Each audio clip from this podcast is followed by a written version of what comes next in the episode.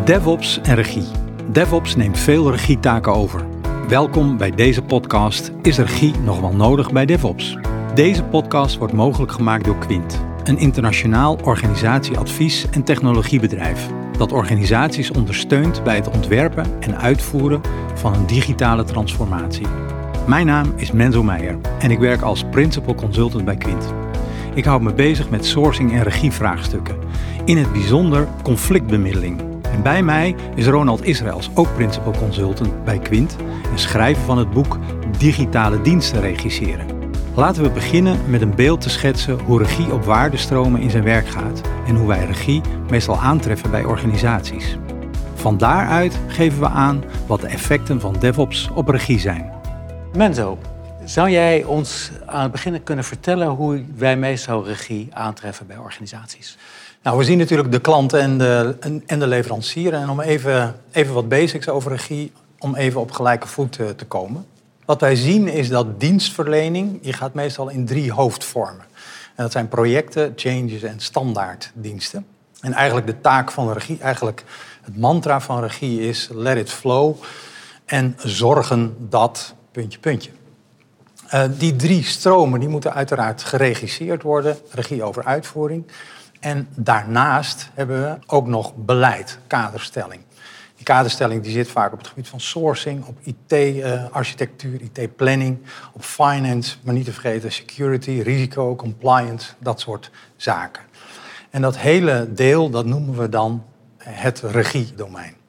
Nou, wat we zien is dat projecten, changes en standaarddiensten zo van elkaar verschillen dat organisaties, regieorganisaties ook apart zo zijn ingericht. Dus we zien projectregie, change-regie en standaarddienstregie.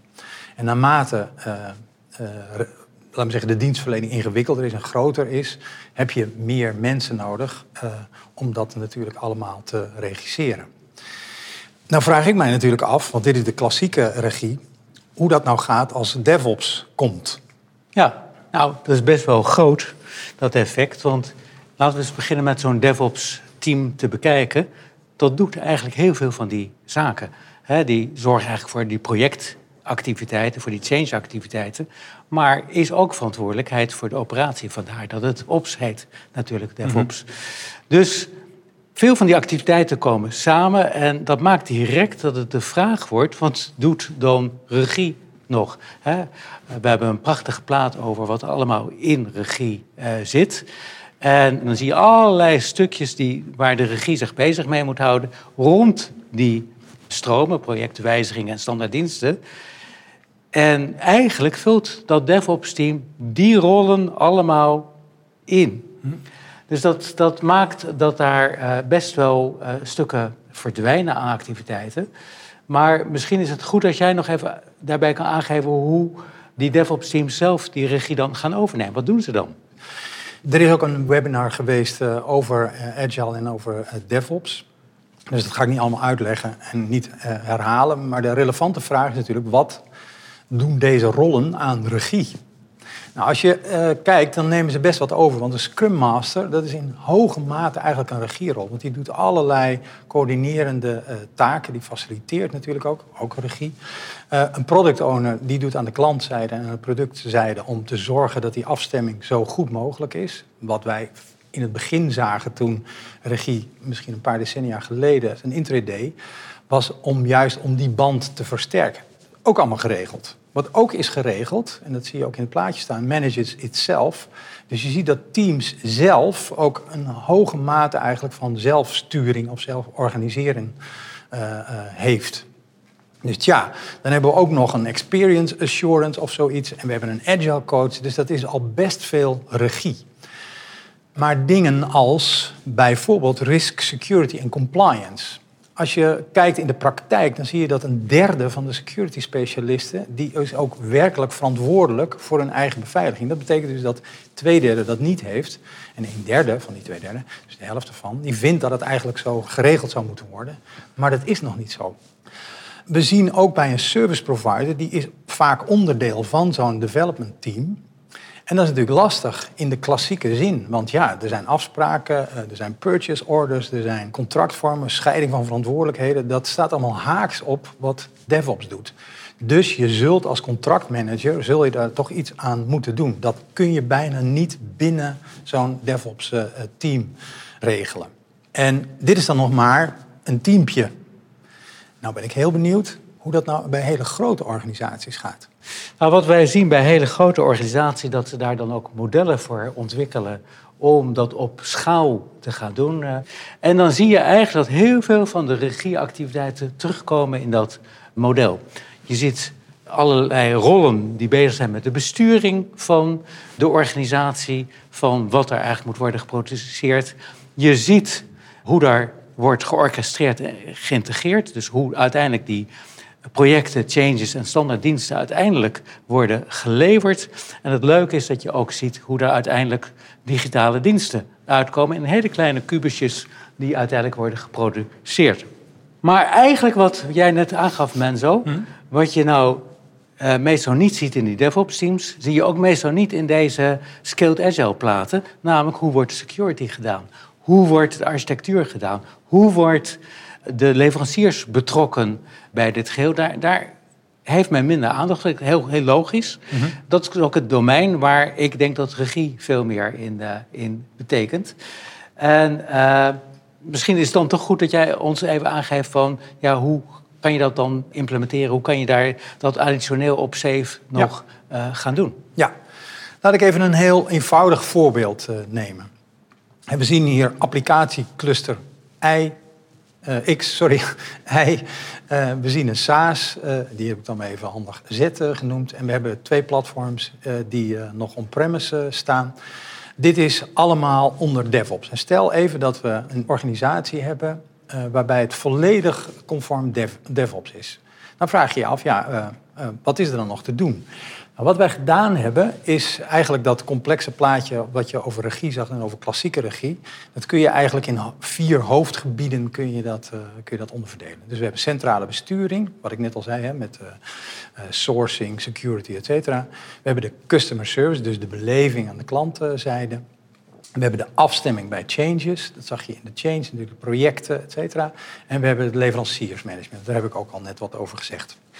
Nou, als je nou kijkt naar wat is er nou nog nodig, stel dat je 100% DevOps eh, bent, dan heb je toch nog wel iets nodig als financieel beleid. Je hebt nog steeds een soort project- en portfolio management nodig. En je moet nog steeds overkoepelend over architectuur uh, gaan praten. Daar doet SAFE al wel wat aan, maar dat is nog niet alles.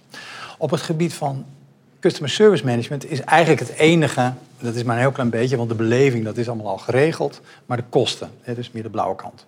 Nou, de afstemming bij changes helemaal geregeld binnen het SAFE-concept. Dus dat is ook uh, Vink, zou je kunnen zeggen.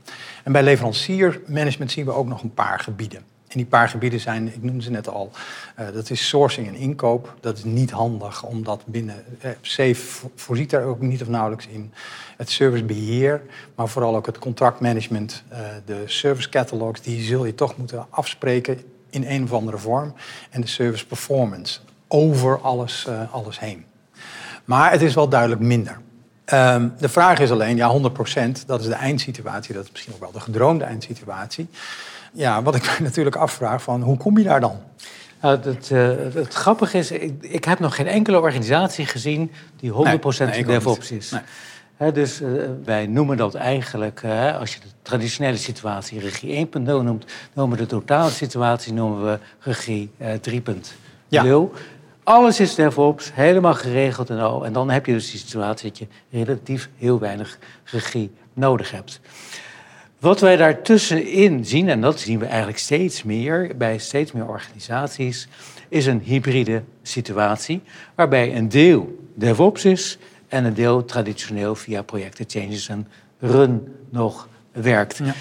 En dan, dan, wat ik dan nog wel eens hoor van organisaties van, nou ja, boeit het dan, noemen we toch alles gewoon op die manier. Ja. Het probleem is daarbij toch dat je, dat je dan zoiets hebt, ja, maar het heeft wel wat met elkaar te maken, al die ja. uh, zaken. Want het is wel één organisatie. En dus al die systemen die ze hebben, die horen wel bij elkaar. Want dan zou je ook de, de hele organisatie kunnen splitsen. Dus een stuk sturing in die hybride situatie, en, feitelijk zitten de meeste organisaties langzamerhand daarin, is mhm. belangrijk. Ja. En misschien is het goed als we daar eens even wat verder op inzoomen. En mensen, als jij nog even wat meer vertelt hoe je nou die hybride situatie zou kunnen besturen. Ja, ja. En daarbij heb ik weer precies diezelfde vier uh, gebieden genomen om uh, natuurlijk niet al te veel verwarring te scheppen. Nou, nu is de situatie ietsje anders. Want nu hebben we weliswaar nog steeds I en Z en B. Maar we hebben ook één uh, applicatiecluster plus het bijbehorende platform...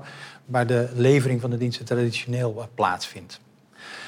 En je hebt koppeling. Hè? Dus er moet wel natuurlijk enig verband zijn, samenhang zijn, functioneel... of uh, in ieder geval in, de, in de applicatiearchitectuur tussen X en Y. Want als ze helemaal los staan van elkaar, dan wordt het nog weer simpel. Maar, dus we hebben stromen die op de uh, klant of gebruiker uh, afkomen en die zijn onderling zijn ze verbonden.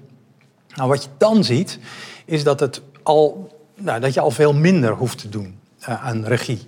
Wat dan overblijft is risk, security en compliance. Dat is niet zo heel erg handig om dat dan weer per team allemaal te doen. Dan moet je vaak iets overkoepelends hebben. En sterker nog, dat is veel handiger, want anders ga je allemaal het wiel uitvinden. Die doen planning, want ja, je zult toch de, de, de dienstverlening de releases van X en van Y... zul je toch op de een of andere manier moeten coördineren. Op het gebied van customer service wordt het al onmiddellijk groter... want we hebben namelijk nog steeds een overkoepelende zeg maar even, servicecatalogus nodig... want de gebruiker die wil natuurlijk weten wat voor diensten die krijgt... en die boeit het soms niet, maar laten we even ervan uitgaan dat hij het niet boeit of het nou DevOps is of niet DevOps. Je hebt in ieder geval één overzicht uh, heb je daarbij uh, nodig.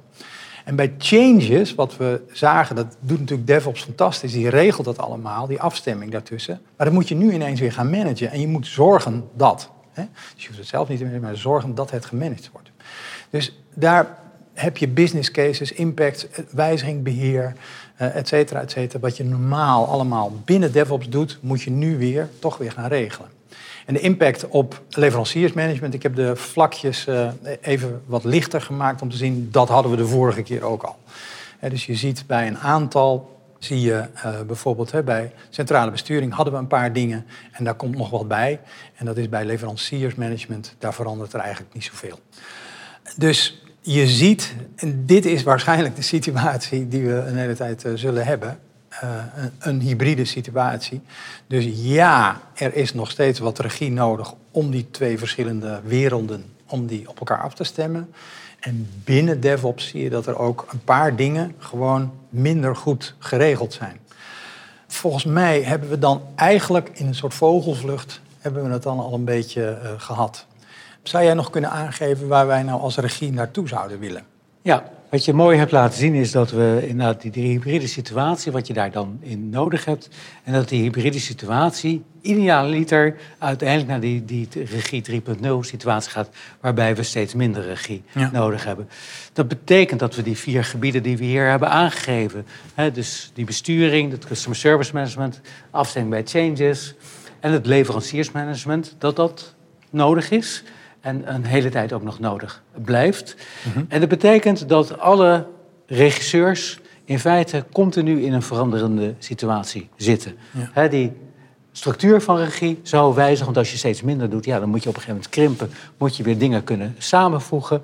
Betekent dat die uh, mensen, de medewerkers in regie, uh, niet moeten hebben van, nou, dit is mijn functie en dit doe ik en dat blijf ik doen, want dat is dus niet wat, wat je wil hebben. Je wil mensen hebben die anticiperen op de situatie en helpen om te komen. Ik vind eigenlijk regisseurs, de kern is dat ze veranderaars zijn. Mhm. En dat betekent dus dat ze zelf ook mee moeten kunnen veranderen. Ja. En tot slot, wat ook wel heel belangrijk is in die regiesituatie, uh, daar hebben we het nog niet zoveel over gehad, maar het is wel relevant. Net zo goed als in de dienstverlening zelf, voortdurend wordt geautomatiseerd, vindt het ook in de regie plaats. We zien steeds meer tools komen om makkelijker te regisseren. Dat betekent dat het efficiënter moet worden. Dat heeft dus ook weer effect op de regieorganisatie die kleiner en kleiner kan worden. En ja, alles bij elkaar maakt dat grote regieorganisaties wij in het, op termijn steeds kleiner zullen zien worden, omdat het minder nodig is. Het enige is wat misschien naar de toekomst wat zou gaan groeien is omdat we steeds meer automatiseren. We zijn bezig met digitale transformaties in heel veel organisaties. Ja, ja dat betekent weer meer werk aan de regiekant. Dus dat is de tegenkracht die het, uh, het geheel heeft. Je ziet natuurlijk door, door de DevOps, uh, wat je in de jaren, en zeker uh, wij gaan al wat langer mee dan vandaag, is dat je ziet dat er altijd een slingerbeweging is van centraal en decentraal. En we zijn nu weer bezig om het te decentraliseren. En wat is de, het voordeel van decentralisatie? Is dat het dichter bij afnemers klanten zit. Nadeel is natuurlijk dat het een puinhoop wordt. En daar moet je dus op letten. We zijn aan het einde gekomen van deze podcast. Dank u wel voor het luisteren. Heeft u vragen over dit onderwerp, dan kunt u contact met ons opnemen door te mailen naar quint.quintgroup.com of bezoek onze website www.quintgroup.com.